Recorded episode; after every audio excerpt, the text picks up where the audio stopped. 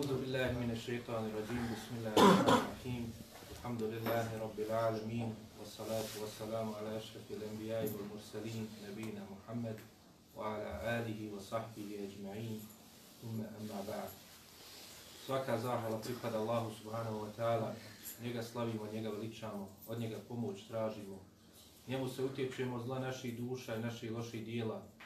Neka je salavat i selam na njegovog posljednjeg poslanika, njegovog miljenika Muhammeda sallallahu alihi wa sallam, njegovu časnu porodcu, sve njegove ashabe i one koji slijede njihov put do sudnjega dana.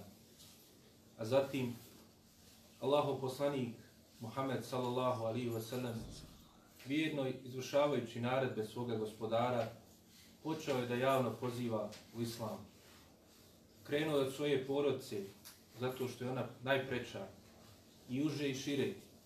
Pa smo vidjeli da je nakon što je izvršio Allahu naredbu o endir aširete kel akrabin, nakon što je upozorio i opomenuo svoju najbližiju porodcu, salam, i pozvao ih u islam, podijelili se oni koji su odmah se odazvali, oni koji su u početku bili nevjernici pa su poslije prihvatili poziv islama, oni koji su bili žestoki neprijatelji islama, poput njegovog Amidže Ebu Leheba, i oni koji su pomagali ga do kraja svoga života, iako će ostati na tom širku poput Ebu Taliba.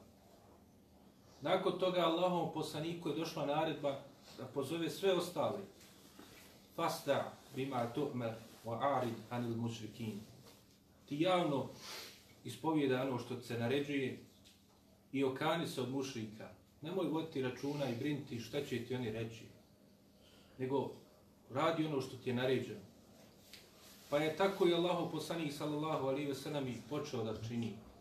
Dakle, nakon tri godine tajnog pozivanja, nakon što se stvorila jezgra najodabraniji Allahovi robova, najodabraniji ashaba Allahov poslanika, sallallahu alaihi ve sellem, koji će biti srž Islama, oko koje će se graditi najbolja zajednica u istoriji čovječanstva, najodabraniji od muhađira.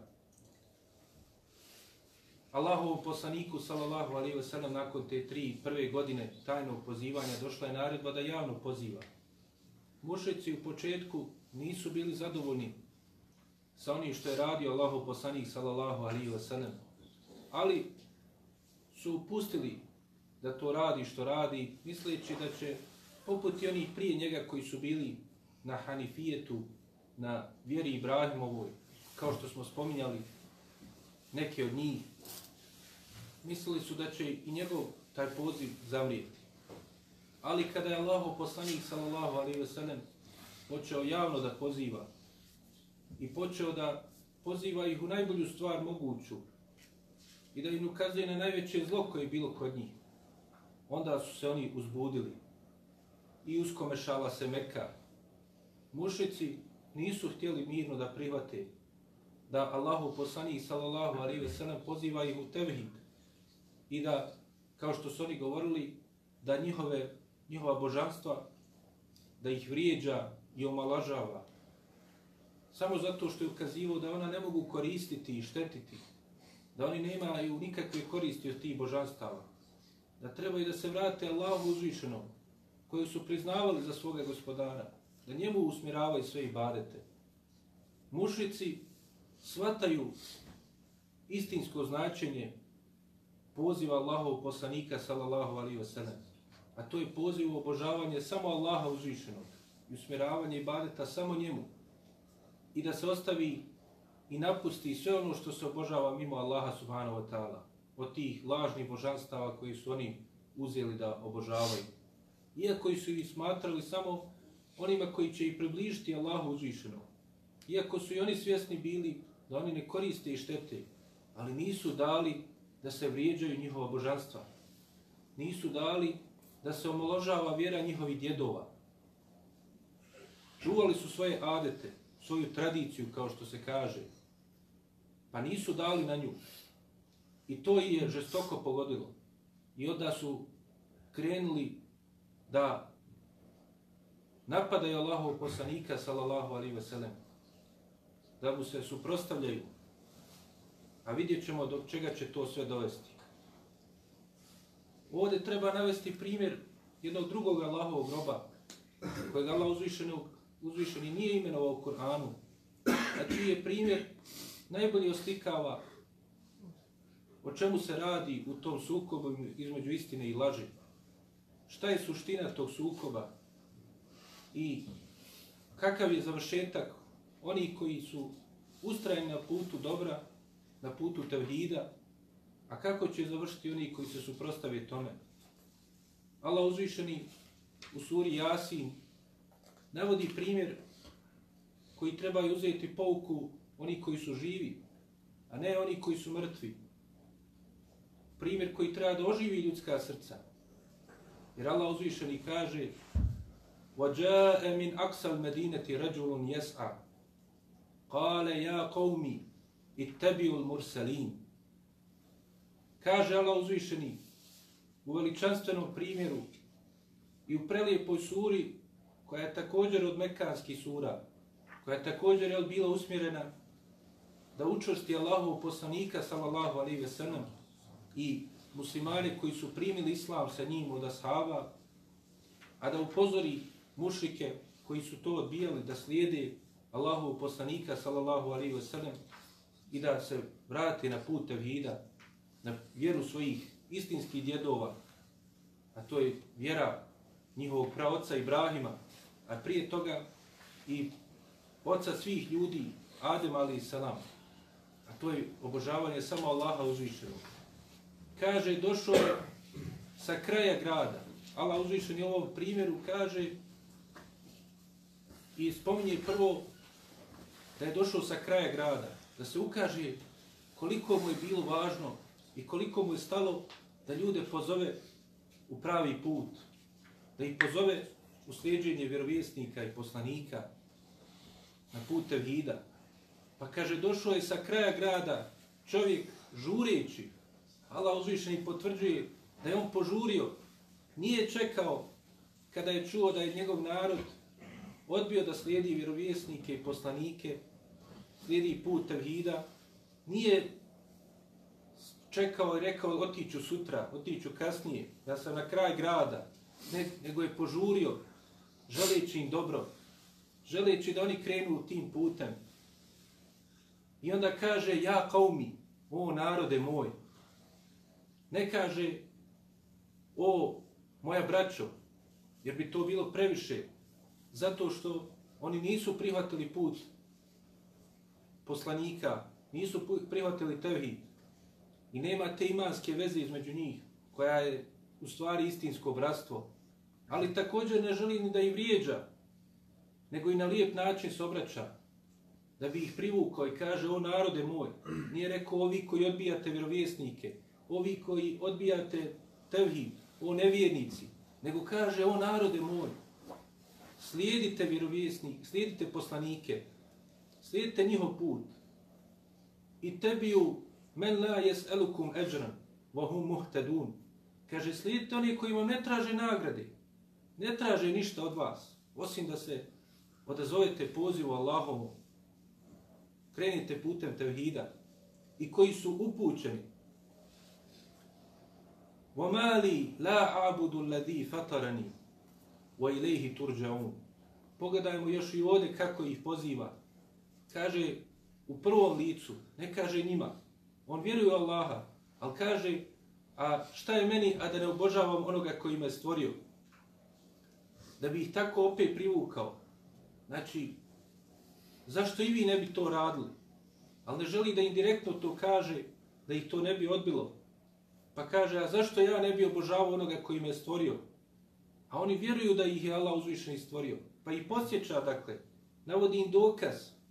Kaže, obožavajte onoga koji vas je stvorio, a ne one božanstva koja vi pozivate, koja koristite kao šefađe, koja koristite kao puteve da vas dovedu i približe do Allaha uzvišenog. I na kraju, jel, opet i posjeća i obraća se njima onda direktno i kaže o تُرْجَعُونَ a njemu ćete se vratiti. U tome je suština. Svi ćete morati Allahu uzvišenom odgovarati za to što ste radili. Sjetite se da će doći dan kada ćete morati pred Allaha uzvišenog stati. E, tehizu min dunihi alihe. Zar kaže da uzmem pored njega božanstva? Postavlja pitanje da bi ih ukorio zbog toga što rade in yuridni rahmanu bidurri. Wala tugni anni šefa'atuhum še'a. Wala yunkidun. A kaže, zar uz, da uzmem pored njega božanstva? A kaže, kada bi bi Ar-Rahman, svemilostni, želio neko zlo, zar može njihov šefat da ga otkoni od mene?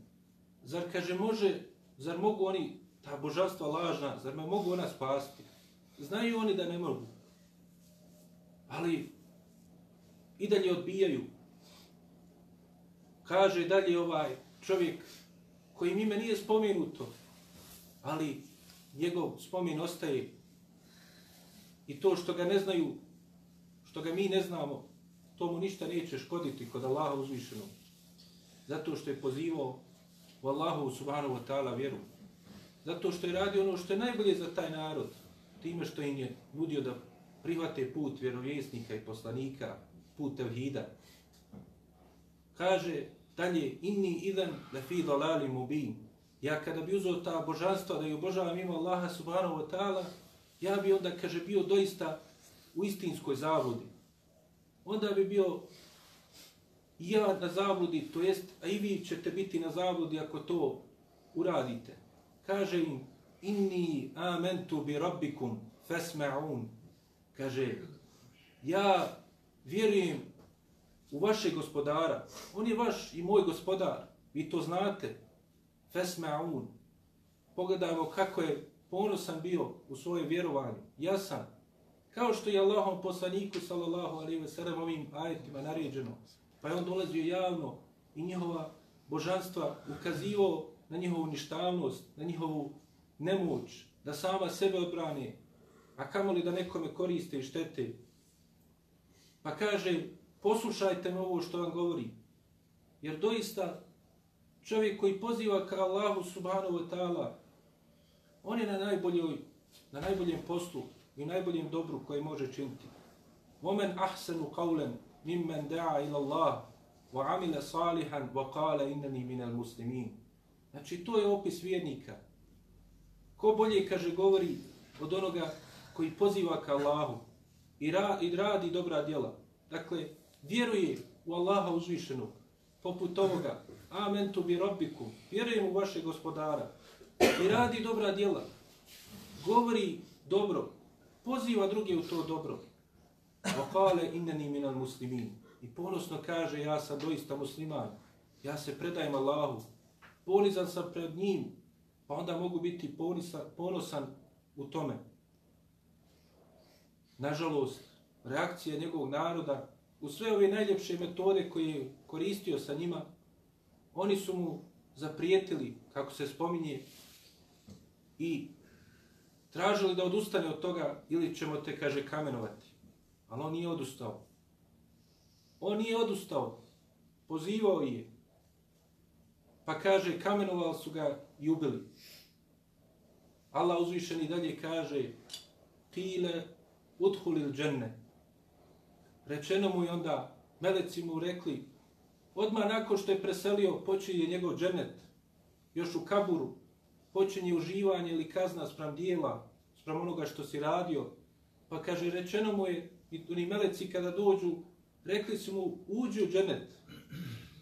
Ali ovaj čovjek, iako je preselio, iako su mu tako postupili sa njim, on kaže, ja lejte qavmi ja lemun.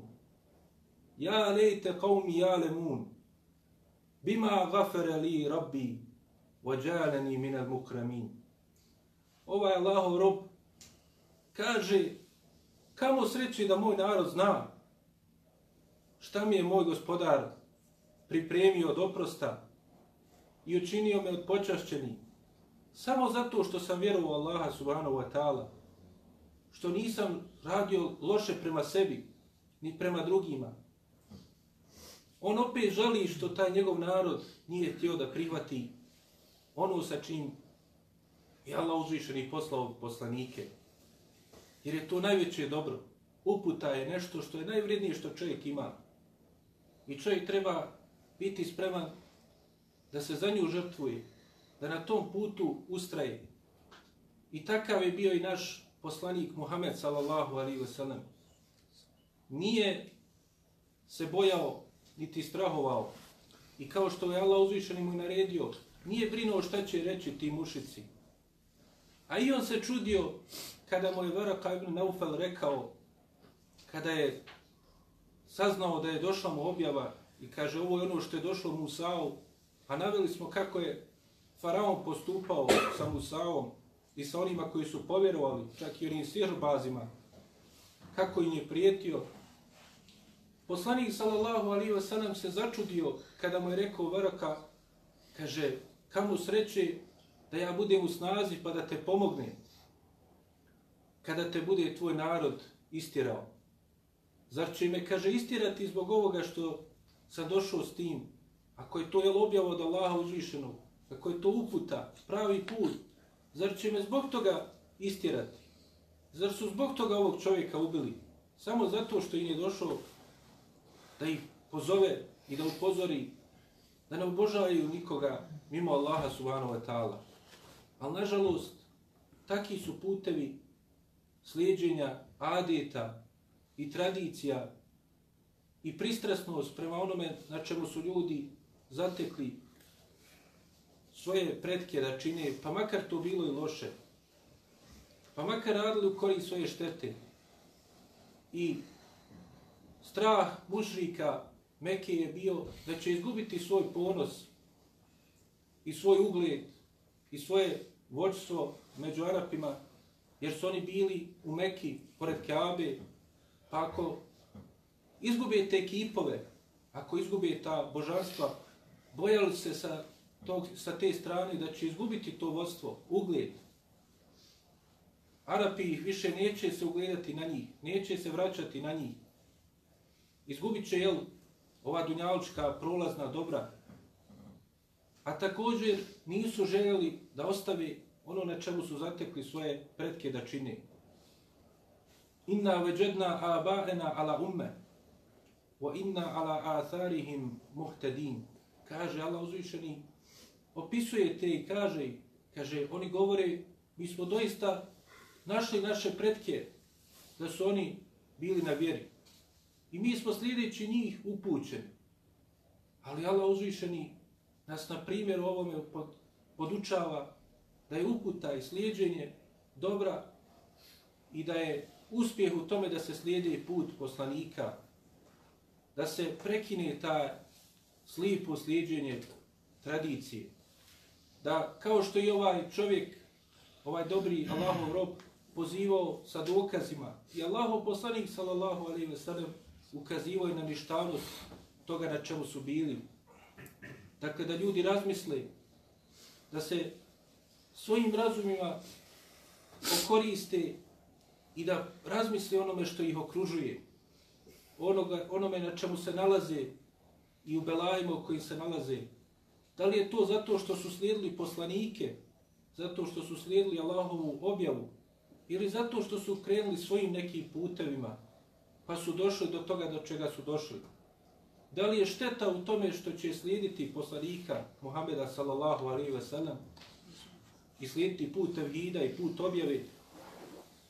Jer da li je Allahov poslanik Muhammed sallallahu alaihi ve sellem nakon svega ovoga što ćemo vidjeti uz Allahovu pomoć da je prošao kroz svoj život, da li je on na kraju uspio ili su uspjeli oni koji su se suprostavili njemu? Dakle, neophodno je da čovjek prepozna kolika je štetnost slijedženja tih adeta i to pristrasno uzimanje. Kada ih pitaš zašto to radite, kaže nemoj sjeći nokte po noći. Zašto? Pa kaže to je tako adet. Je li ima nešto? Znači ljudi koji imaju intelekt, koji su završili škole, ali to samo zato što su jel, zatekli da se to radi. Možda prije 100 godina jel, nije bilo struje, pa kada bi čovjek sjekao nokte po noći, stvarno je mogu sebi naštetiti. Možda i nije imao savremena sredstva za sjećenje noktiju. A onda se nama kaže da smo mi nazadni, da ljudima želimo nešto loše. Ne, mi želimo i neophodno je da svaki muslima želi da ljudi krenu putem poslanika. Pa je Allahov poslanik Muhammed sallallahu alaihi ve sellem kada su vidjeli da ih poziva u to da ostave svoje božanstva i da slijedi put obožavanja samo Allaha subhanahu wa ta'ala, ovi mušrici odmah su razumili šta traži od njih. Shvatili su značenje la ilaha illallah. Potpuno su bili svjesni šta se od njih traži. Ali su to odbili. Samo zbog ti adjeta. Samo zbog toga što će izgubiti te dunjaločke blagodati. A na, na kraju dobili su uspjeh na ovome i na onome svijetu oni koji su slijedili Allahovog poslanika Muhameda sallallahu alaihi wa sallam. U tome svemu onda su ovi mušici odlučili kada su vidjeli da njegov Abidža Ebu Talib, jedan od uglednika među njima, nije stao na njihovu stranu u smislu da se suprostavlja Muhammedu sallallahu alaihi wa sallam. Ali također nije ni prihvatio njegovu vjeru.